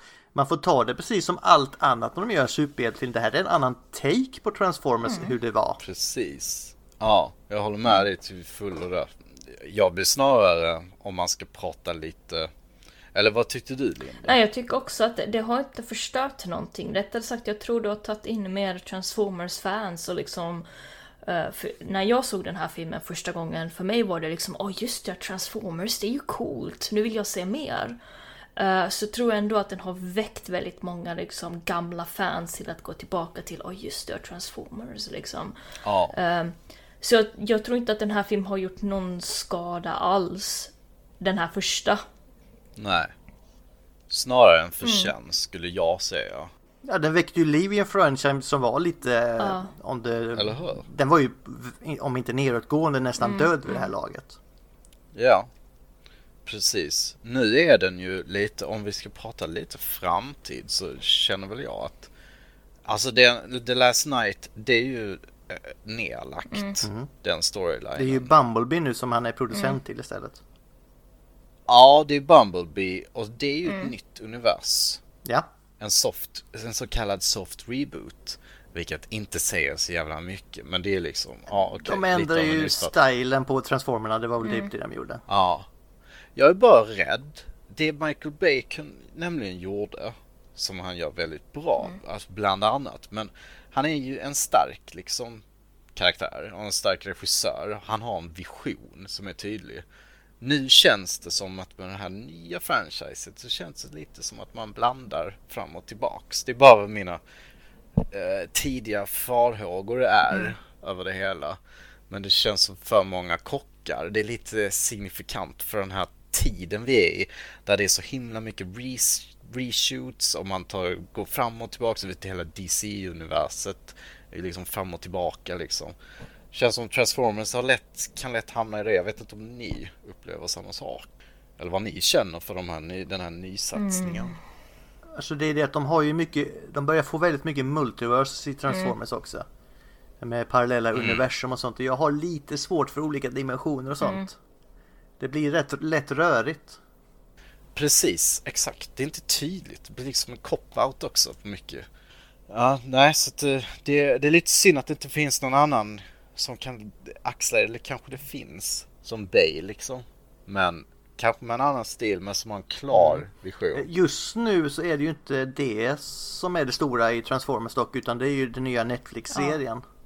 Det är ju den som... Ja. Som jag ska kolla på efter vi har spelat in här nu. De släpper ett nytt ny säsong idag. idag. Ja, Gör ja, de? De har precis ja, släppt den. Mm. Ja, jag tyckte den var äh, mm. acceptabel. Jag trodde den skulle vara sämre, förutom Megatons läppar då. Ja, exakt. Tyvärr känns det lite som att man äter vilken skit som helst. Alltså du vet, man blir bara glad så fort något någorlunda bra kommer ut och då lyfter man det kanske lite väl mm. högt. Alltså, för jag tyckte egentligen, om jag ska försöka vara, alltså du vet objektiv så så jävla hög klass höll det inte. Jag tyckte det var lite tråkig ibland också. Men det, det var ju bättre liksom än det andra. Eller man har ju mm. inte fått något på länge. Så man tar ju det. Och den hade liksom någon lite bättre nivå liksom. Lite bättre dialoger och sånt. Lite mer att de var karaktärer. Uh, att de har ett drama bakom Det kanske kommer. Ja. Vi kanske måste ge det till alla tre säsongerna mm. kommit. Absolut, vi får se. Um, men de ska ju en säsong tycker jag egentligen ska mm. kunna behålla sitt intresse. Mm. Men det finns många serier förvisso som har uh, gjort många skarpa turer liksom, eller omvändningar. Star Trek är ju en. Det är alltså mm. TNG och Deep Space Nine och mm. de här.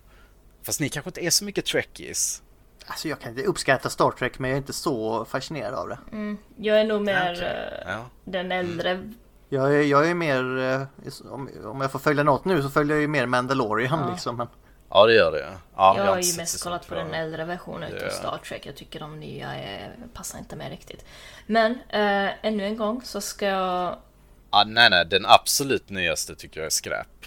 Jag säger fortfarande så här. Picard framför Kirk mm. men äh, äh, hellre den första än Next mm. Generation. Ja okej, okay. mm, intressant. Ja. ja. Okej, okay, Nej, nu var det helt en helt annat universum hörni. Det är ja, ingen fara, det är bara kul att vi kan prata ut lite grann. Uh, men ändå alltså att var filmen bra eller inte, alltså jag tycker ändå att den, den duger för att vara en Transformers-film. Den har ju väldigt mycket subplots, jag skulle liksom vilja kanske velat ha den med liksom att, men skit i det där lilla småsnacket där. Jag vill på ett sätt skita i Sams föräldrar också, men jag fattar väl att det finns folk som tycker om det med. Jag skiter i den där chihuahua-råtthunden med liksom, men okej, okay, den är där med, den får pissa på Ironhides fot, det är roligt, haha, okej. Okay. Visst, sure, det finns delar som jag personligen inte tycker så jättemycket om, men jag fattar att folk tycker att den här är rolig. Lite för många subplots som sagt. Uh, jag skulle liksom drömmen är ju att jag skulle vilja ha med Transformers men som sagt det kostar att animera. Vad, varför sa du drömmen var? Att du skulle... Förlåt, vad sa jag? Alltså den här drömmen att få se mer eh, Transformers. Um, ja, ja. Men ja, jag förstår ja, ändå att det är... Det tar lång tid att animera och det kostar mycket. Så jag kan förstå varför de ändå fokuserade mer på människorna än på Transformers. Och sen är det ju mm. också och för att göra det mänskligare. Ja, mänskligare också. Alltså. Ja, ja. Tror jag. Så att man får den här man ska liksom sympatisera ja. med Shia exempelvis. Uh, jag går vidare till visuellt. Jag brukar dra min grej här och sen så får ni komma in efteråt. Jag har inte tittat sådär jättemycket om själva animationen men jag har lite stuff här.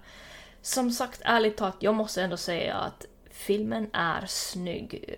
Transformationerna funkar på ett intressant sätt. Jag kan ändå tänka mig att dessa karaktärer är utomjordingar.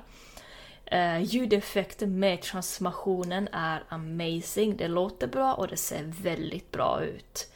Vi ser olika transformers med olika kroppsbyggnader. Vi kan även se skillnad på hur en autobot till skillnad från Decepticon transformeras och ser ut.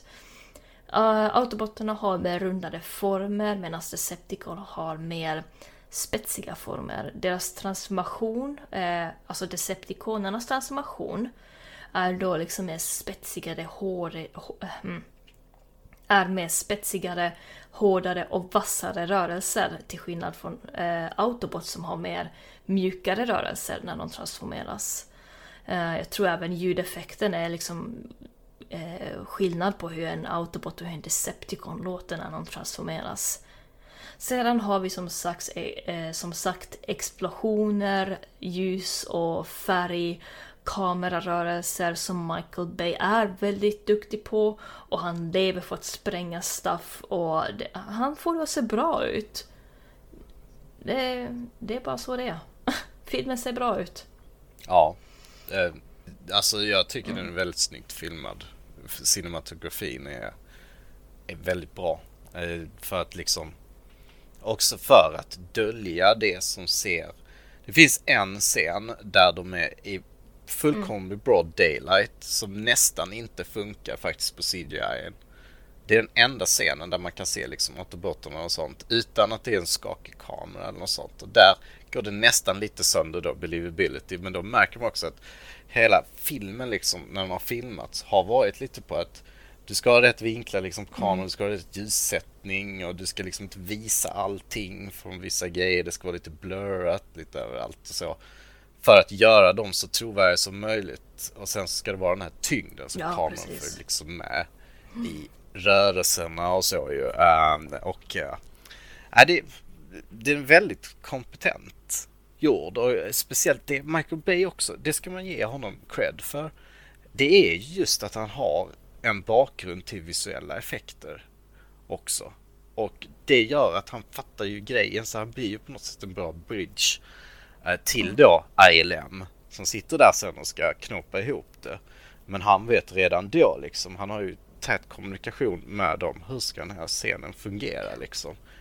Så att det inte ser liksom skit ut sen som har gjort i så jävla många filmer liksom med CGI eller så fort det är någon människa liksom mm. som blir uh, lyft av en CGI-robot. Ja. Det brukar vara en klassiker. Då ser det så jävla konstigt ut. Liksom, men det, de har arbetat mm. hårt på att få det att fungera. Mm. Det måste man ge dem. Effekterna håller. Och än idag liksom. Det ser fortfarande bra ut. Um, oh. Så inga konstigheter. Mm. Väldigt skarpa, bra färger ja. med också tycker jag. Det är lite som Babblarna som är barn. Jag blir också lite så här, man sitter och fastnar i färgerna.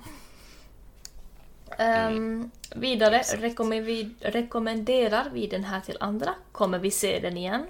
Absolut. Mm. Absolut, jag kommer se den igen. Jag, just, just större TV jag kommer att skaffa, ju fler gånger kommer jag se Transformers 1. Så det, det är den eh, korrelationen. Och jag skulle jättegärna rekommendera till andra, speciellt Mm. eh, kids. Fast fanns det någon eh, stereotyp? Eh, eh, Gustav, förlåt. Eh, Ja. eh, om det fanns några stereotyper i den här filmen. Ehm, Alltså du menar, det är ju mer test of time Ja. det. Alltså tempo, Mm. politik, könsroller, stereotyper. Var, liksom, var det något som Aha, stack Mm. ut? okej. Ja, eh, bra fråga faktiskt. Det kan vara lite sådär med vissa av de eh, färgade Mm. karaktärerna faktiskt. För de spelas på ett visst sätt. Jag tycker det, det är dåligt i det, men i dagens klimat så kan folk vara väldigt känsliga och säga att ja men de bara stereotyper för att de är svarta och de gör de grejerna liksom och han har sin grandma, du vet allt det här.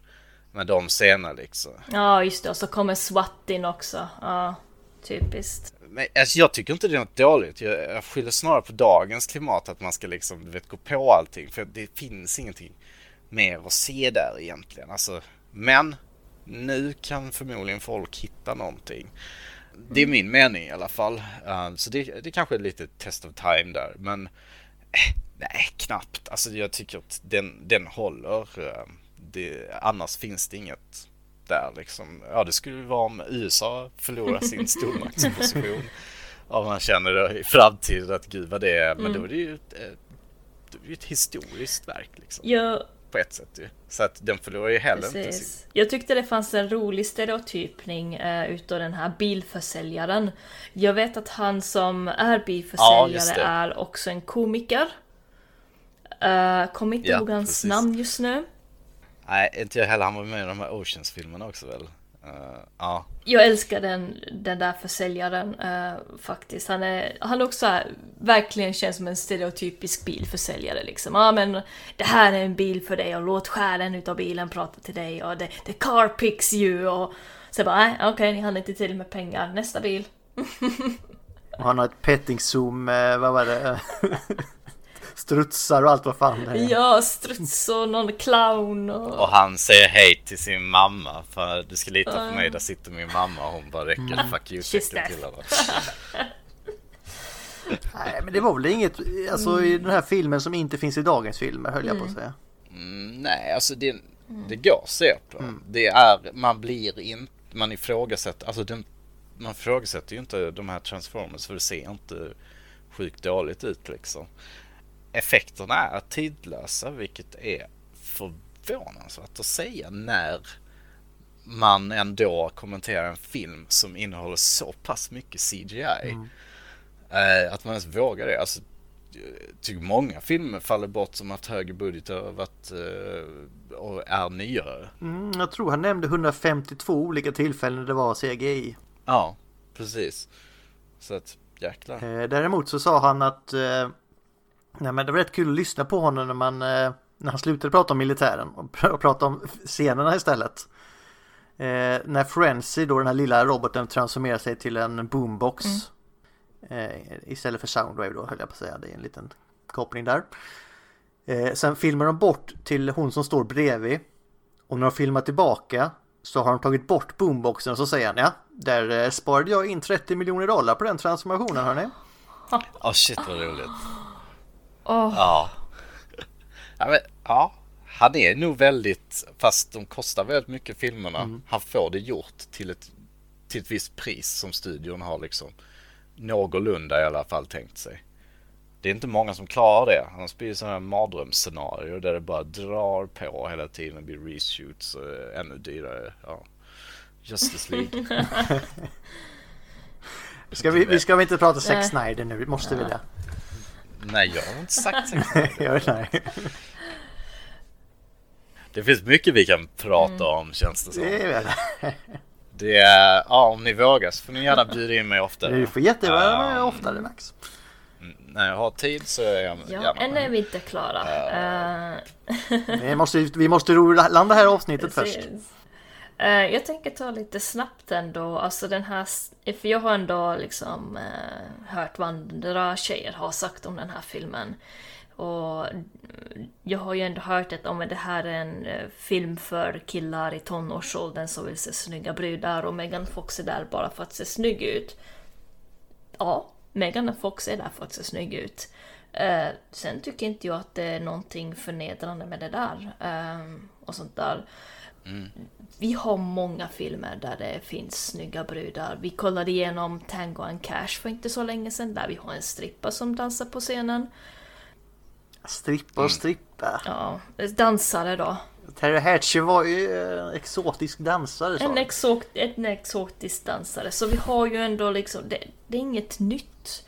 Och Nej. sen så fattar jag också att hur du är i film, hur din karaktär är i film eh, spelar inte vad, hur du blir behandlad eh, utanför filmen. Du ska fortfarande bli bra behandlad som en kvinna när du spelar en annan kvinna i en film. Ja. Eh, jag vet inte om det spelar någon... Eh, om, what if it makes sense det jag säger. Jo, det makes sense. Det finns faktiskt nu kanske ni tycker jag svävar bort igen. Men det penultimata typexemplet det är ju faktiskt porrstjärnor. Mm. Om man tänker efter. Där beter sig inte folk så jävla snyggt mot dem i det civila livet. Eller i alla fall mm. i USA har det varit så. Nu börjar det öppnas mm. upp lite mer. Men då får de inte liksom, om de vill byta karriär får de inte jobb och sådana grejer. Mm. Bara för att de har ju valt att spela någon roll där. Mm. Men äh, ändå så, ja, får de skit för det ju. Äh, men mm. det, ni kanske tycker jag svävar ut för mycket men jag tycker det är liksom det ultimata typexemplet. Mm. Uh, men, alltså jag tycker så här, har man varit filmkännare länge så har man ju för fan sett många filmer där det har varit starka karaktärer som också råkar se bra ut. Både på det kvinnliga och manliga planet. Och det har man inte tyckt var varit en konstig grej. Mm. Så att jag vet inte om det är någon ny villfarelse liksom. Uh, objektifiering, ja det finns i ja, vissa filmer. Absolut. Både killar och tjejer. Precis, och jag tycker liksom. Bond-filmerna är väl det exemplet som har varit jättemycket. Där ja. tjejen liksom är, i princip ska hon vara blåst och bara göra några saker. Blondbruden ja. Ja, mm. de, alltså de äldre filmerna. Uh, mm. Det tycker jag dock kanske med Golden Eyes liksom förändrades det. Uh, mm. Så att ja, jag tycker Megan Fox hon står för sig själv liksom. Uh, och hon ja. är inte, hon är ju objektifierad lite, absolut. Mm. Men hon, det är mer Mm, men det är ju inget av de andra karaktärerna spelar på utan det är ju bara det visuella ja, hon är det. Ja. Utan karaktärerna har ju fortfarande Exakt. sin egen roll. Och står ju ja, på sina egna ben. Jag. Så det är, mm. Mm. det är värre med det här eh, fan Transformers 4 eh, Last Night. Den uh, karaktären där som är typ hans dotter, Mark Wahlbergs ja, dotter. Som är underage. Alltså, de går in på ett extremt konstigt resonemang. Uh, att de fortfarande uh. får ha liksom sex med varandra. Nej, det är jättekonstigt. där, där går det lite överstyr. Det kanske var därför det skar sig mellan Michael Bay och mm. Megan Fox. Jag vet inte. Ja, de hade någon konflikt där om, mm. om vad det var. Om det har jag faktiskt inte riktigt kollat in på.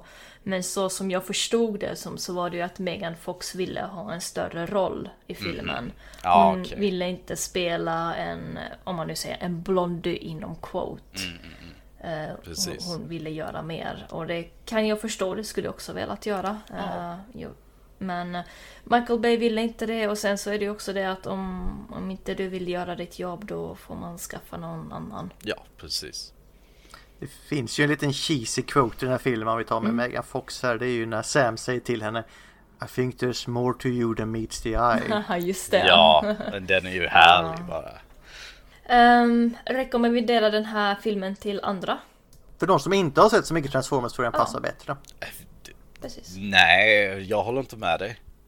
Uh, det måste jag säga. För, ja, för att de som har sett väldigt mycket Transformers uppskattar nog också den tolkningen.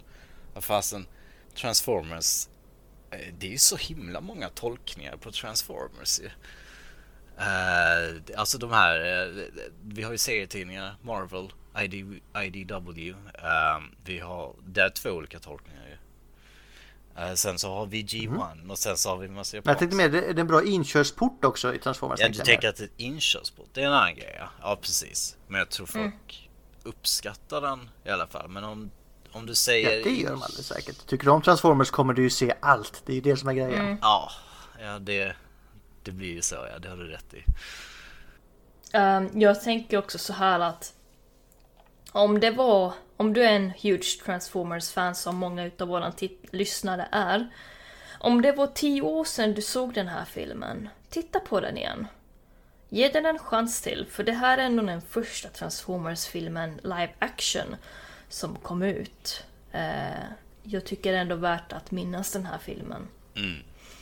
Jag håller med. Ehm. Och, alltså liksom följ inte det här med Ja, det är Michael Bay. Han gillar bara explosioner. Eh, därför ska jag inte se den här filmen för han gör ju bara skräp. Kolla på ettan. Låt ettan vara för sig själv. Kolla Mm. på den ska, och skapa din egen mening. Eh, fun facts. Jag tar min Yes. sist. Kan jag kan börja? Du får ta din sist Linda, det är bra. Det brukar vara något Ja. mörkt. Jag kan ta Optimus Prime när han kom till. Mm. Så hade de jobbat i åtta månader med att ta fram en modell som Michael Bay verkligen hatade. Ah. För han såg ut som en plufsig sumobrottare eller vad han sa. Eh, Och då reste sig den här killen från längst bak i rummet sig upp. Det är han Cage då som vi pratade om som skulle göra honom sen. Och skrek ut That's an offense to the Japanese people. Optimus Prime do not look like that. Min japanska är fruktansvärd. Och lite väl stereotyp kanske. Lite så. Test of time. ja precis, test of time. Zero så. för Gustav. Ja. ja, det är lite så. Här försöker man göra någonting inlevelsefullt. Det är sista gången jag gör det kan jag säga. Eller Okej. Star Prime. Nej, jag vet inte. Jag Vissa gånger kan jag komma in i ett mode där jag tror att jag kan härma dem ganska bra. Men eh, mm, det kommer inte riktigt Ah. nu. Eh, Jag vet inte om jag vågar ta den här Det kanske är Lindas mörka grej så jag väntar till efter hon har Nej, tagit kör sin. på. Det, det kan inte vara det du fick Okej. utav. Du, du kan inte ha samma som Okej, jag. jag tänkte med för under inspelningen här eh, när de spelar in i den här flodscenen när de hoppar runt så räddade de faktiskt livet på en riktig människa som flyt, flöt omkring i floden där. Jaså, okej. Ja, som hade flytt från något sjukhus och den här strömmen är skitstark där så de Ja. fick ju dra upp Vilken honom. flod var det? Ja, det undrar jag också. Eh, Var det den som är under bryggan eller? när, när de är där och de fångar Ja, Bumblebee. Okej. ja, ja, där ja. Ja, Kanalen typ. ja precis. Ja, Alltså jag vet inte riktigt, vad, vad är det jag ska lyfta? Eh, Jag hängde kanske inte med. Alltså om det är något kul med under inspelningen av filmen, någon eh, Nej. blooper Ja, eller um, någonting. Eh, någon blooper, någon... Nej. Alltså, jag försökte kolla på lite bakgrundsmaterial men jag hittade inte så himla mycket liksom. Alltså det jag tycker är lite intressant är väl att just varför hela franchiset har tankat liksom och hur beroende det blev på kinesiska pengar och hur det därmed också tror jag blev en sämre produktion. Eh, Det var så franchise gick åt pipa men det är något helt annat ju. Så att, nej, jag, annars behind the scenes eh, Tyvärr, jag känner till för lite så ni får gärna sticka in med fler om ni vill. Alltså den är gigantisk i Asien till exempel. Typ många asiatiska länder slog den ju rekord för uh, biofilmer. Exakt, precis. Men det är ju väldigt viktigt där ju eh, att man får rättigheter att då få ut den på kin- kinesiska marknaden. Eh, Och då måste man ingå i en hel del deals. Så att Transformers 4 är det ju de- den scenen när den polisen i Hongkong säger repliken Vi måste ta hjälp av kinesiska staten. Det är ju bara för en sån propagandagrej. ju. Eh, så det, det blir för mycket. Alltså det, det, det man kan tycka det man kan tycka också eh, är lite intressant med Transformers-filmerna och Transformers 1 då. Och det är kanske lite behind the scenes. Men det är ju hur mycket filmen bygger på produktplacering. Eh, och du vet, det finns ju en Mountain Dew eh, bot i Transformers 1. Såg just det? Ja, alltså, och det finns och ah, hela de här amerikanska bilarna också. En Xbox också. Mm. Ja, precis. Xbox och sen så finns det alla de här amerikanska bilarna. Det är alla de märkena ju. Det är så mycket produktplacering, vilket kan ha gjort att med den monsterbudget att det gick runt. Men den balanserar lite fint där. Det blir för mycket av det sen eh, i de andra filmerna med Oreo Bot och det här. Men eh, där så lyckas det och bilarna är liksom, man tycker att de är snygga så det är skitsamma. Mountain Dew-botten vet jag inte varför inte jag reagerade mer på den när jag såg den första gången. För den är jävligt out of place och han skjuter ju burkar också. Vilket, vilket är lite kul visserligen. Så att, ja, okej okay, jag köper honom. Ja. ja. Mm. Ja, ljudeffekten till mm. när han skjuter iväg de där burkarna Exakt. också. Är... Blup, blup. oh no! ja, jag har några grejer här innan Linda får ta sin okay mm. avslutning. Eh, det är det att när, när han gjorde Spielberg hade ringt upp Michael Bay så gick Michael Bay på någon typ Transformers skola där han fick läsa hela Lauren till slut. Och sattes verkligen in i olika karaktärer. Eh, för att bygga den här och sen så har vi även den att eh, Ska vi ta först då? När han fick mycket dödshot Michael Bay för massa små grejer. Typ att Optimus Prime hade fel front, det skulle vara en lång front istället för en kort front på lastbilen och att den hade flames och det skulle den inte ha, en massa sådana här skitgrejer. Eh, däremot så sa han att de här flamesen, det hade han lagt hur mycket energi som helst på för att här, det ska vara bra flames, jag ska ha in en riktig, det är hans ord nu, inte mina. Jag tog in en riktig cholo. Han kunde ingen engelska va, men han var grym på era flames. Så de, jag tog in honom. Kolla, där har du Michael Bays resonemang. Ja, och enkelheten i hur han uttalar det. Han har ju den här barnmentaliteten. Ja. Styrkan mm. av att vara naiv, det är skönt. Um, mm. yes. Ja, det är massor sådana små grejer. Men vi, vi har redan kört rätt länge, så fortsätt du Linda. Eh, som sagt, eh, Flames på Optimus Prime ser riktigt hett ut. Det, det tycker jag om. Eh, oh, pun intended Linda. Flames hett. Nej. Nej. det är en het Optimus Prime tyst nu. Den får ha Flames. Mm. Uh, Hot Rod då? Vad tycker ni om det namnet? Nej det var inget. Nej nu går vi vidare. Uh, vi tar det när det är hans tur. Ja. Uh, min fun fact som sagt brukar alltid vara mörk. Mm. Uh, men snubben som sålde Bumblebee till uh, WithWiki och det är Bernie Mac som har skådespelat honom då. Och han dog år 2008, så strax efter den här filmen. Mm, man blir alltid uppåt och Linda har sina kul fakta. Fucking shit. Okej. Okay. Ja. Okej, okay. ja det var min fun fact. Eh, jag kan ta bara budgeten låg på mellan 150 och 200 miljoner mm. dollar och den drog in box office lite över 700 miljoner dollar. Oh, nice. Vad har den på IMDB?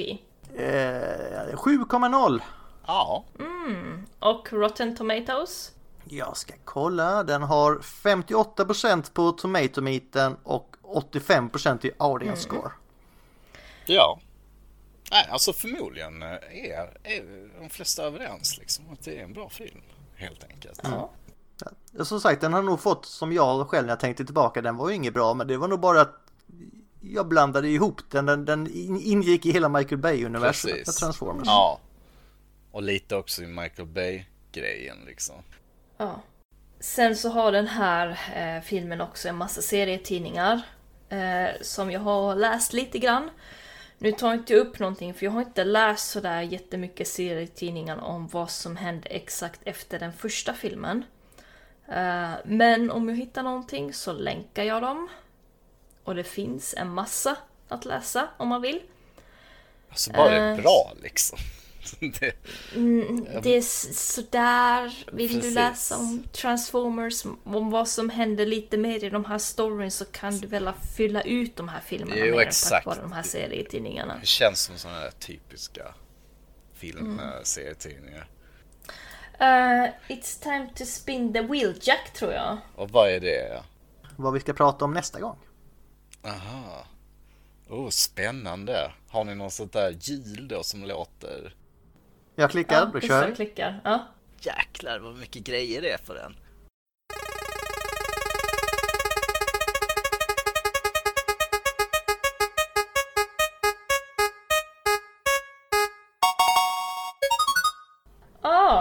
Anode and Lug. Anode and Lug blir det då nästa vecka. Uh, vad, vad är det för något? Det är Linda som har lagt på den på listan så hon får... ja, berätta Linda. Ge mig en Eh, tease. det här är två jättegulliga karaktärer som har en relation med varandra. Och det intressanta är... eh, Jag vet inte, ska jag spoila det? ja, Max vill ju veta så jag kan klippa bort det för de andra. Ja, okej då. Eh, det är ju två intressanta karaktärer just för att eh, det är ju de enligt serietidningen, du får se om jag har fel Gustav. Anode and Lug var han och sedan bytte de till könet hon för att it made more sense. Det här är ju från IDW-universumet då. Just det, hela könsgrejen i Transformers från IDW ja. Ja, Det är från Lost Light. ja precis. Yes. Men det var en av de grejerna jag gillade. Att, bra. Det är lite som, man gör Michael Bay-filmer med mycket explosioner och Transformers liksom hur det fungerar på riktigt. Och sen så gör serietidningarna har, har en annan approach. Men båda går liksom vidare med, försöker utveckla franchiset i sina riktningar. Det tycker jag om. Eh, sen så har jag min quote. Yes, och det är ju som sagt, det finns ju bara en quote i den här eh, filmen. No sacrifice, no victory. The Wit Witty motto. Inte one shall stand and one shall fall. Eller vad det nu är. Vad säger han? Jo, han säger det. Ja, Ja, at the end of this day one shall stand, one shall fall. då fick jag gåshud. Ja, det är också en throwback till 86-filmen. Ja, Ja. det är ju det. Har ni pratat om den? Ja, Ja, för ett par veckor sedan. Ja, Ja, ja, The ja. Transformers The Movie, ja. Mm. ja. Okej. Eh, då tackar vi oss. Eh, tack för att du lyssnade Ja, det är på jag som ska tacka. Ja. Transformers-podden. Tack så mycket. Eh, och jag hoppas eh, ni blir nöjda. Och eh, det blir bra och ni får några lyssnare på det också. Jättefint. Ja. Ha det så bra ni. tack så mycket. Okej, ta Ha hand om det så er. bra och tack för att du kom förbi. Hej hej! May your luster never dull and your wires never cross. Glöm aldrig det.